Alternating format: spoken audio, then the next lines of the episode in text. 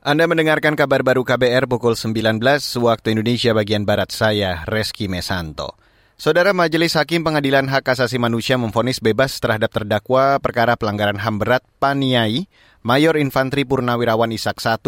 Isak adalah bekas perwira penghubung Kodim Paniai, Papua saat peristiwa itu berlangsung. Sebelumnya jaksa menuntut Isak I dengan hukuman 10 tahun penjara.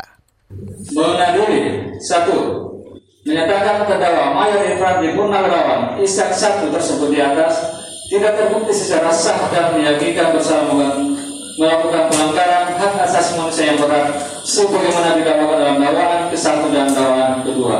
Dua, membebaskan terdakwa oleh karena itu dari semua dakwaan penuntut umum. Tiga, memerlukan hak-hak terdakwa dalam kemampuan, kedudukan, harkat serta martabatnya. Empat, dalam sidang putusan yang digelar di Pengadilan Negeri Makassar, Majelis Hakim memerintahkan jaksa penuntut umum mem membebaskan terdakwa dari segala tuntutan. Selain itu, Hakim juga meminta hak-hak terdakwa dipulihkan. Sementara itu, tim jaksa penuntut umum masih pikir-pikir atas putusan vonis bebas tersebut. Pelanggaran HAM berat Paniai atau tragedi Paniai berdarah merupakan insiden kekerasan pada warga sipil pada 8 Desember 2014. Dalam peristiwa itu, empat pelajar tewas di tempat usai ditembak oleh pasukan gabungan militer. Sedangkan sekitar 20-an orang luka-luka. Kini kita beralih ke kabar pemilu, saudara. Kabar pemilu. Kabar pemilu. Tiga kelompok rentan berpotensi terancam kehilangan hak pilihnya pada pemilu 2024 mendatang. Perkumpulan untuk Pemilu dan Demokrasi Perludem menyebut tiga kelompok rentan itu adalah pemilih disabilitas mental, transgender, dan masyarakat adat.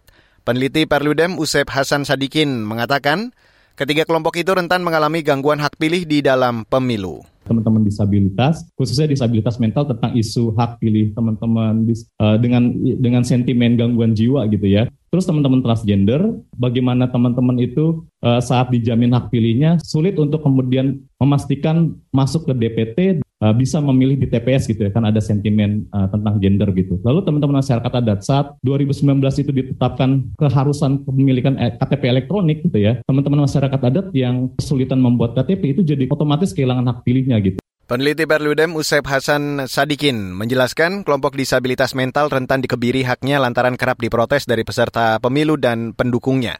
Begitu juga kelompok transgender akan sulit masuk daftar pemilih tetap atau DPT karena adanya sentimen gender. Sementara kelompok masyarakat adat yang tinggal di daerah terpencil terancam kehilangan hak pilih karena kesulitan akses menuju tempat pemungutan suara atau TPS. Pemilu 2024 untuk pemilihan anggota legislatif dan pemilu presiden akan digelar 14 Februari 2024. Saudara PT Kereta Cepat Indonesia Cina menargetkan semua stasiun kereta cepat Jakarta-Bandung atau KCJB selesai dibangun pada Juni tahun depan.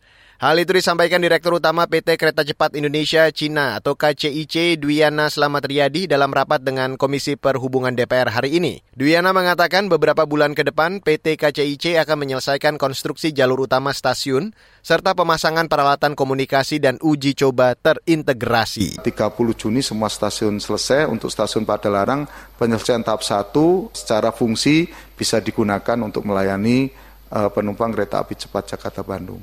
Direktur Utama PT Kereta Cepat Indonesia Cina atau KCIC Dwiana Selamat Riyadi mengatakan proyek pembangunan kereta cepat Jakarta Bandung dibiayai 25 persen dari ekuitas konsorsium KCJB dan 75 persen dari pinjaman atau utang dari Bank Pembangunan Cina atau CDB. Dan saudara, demikian kabar baru saya Reski Mesanto.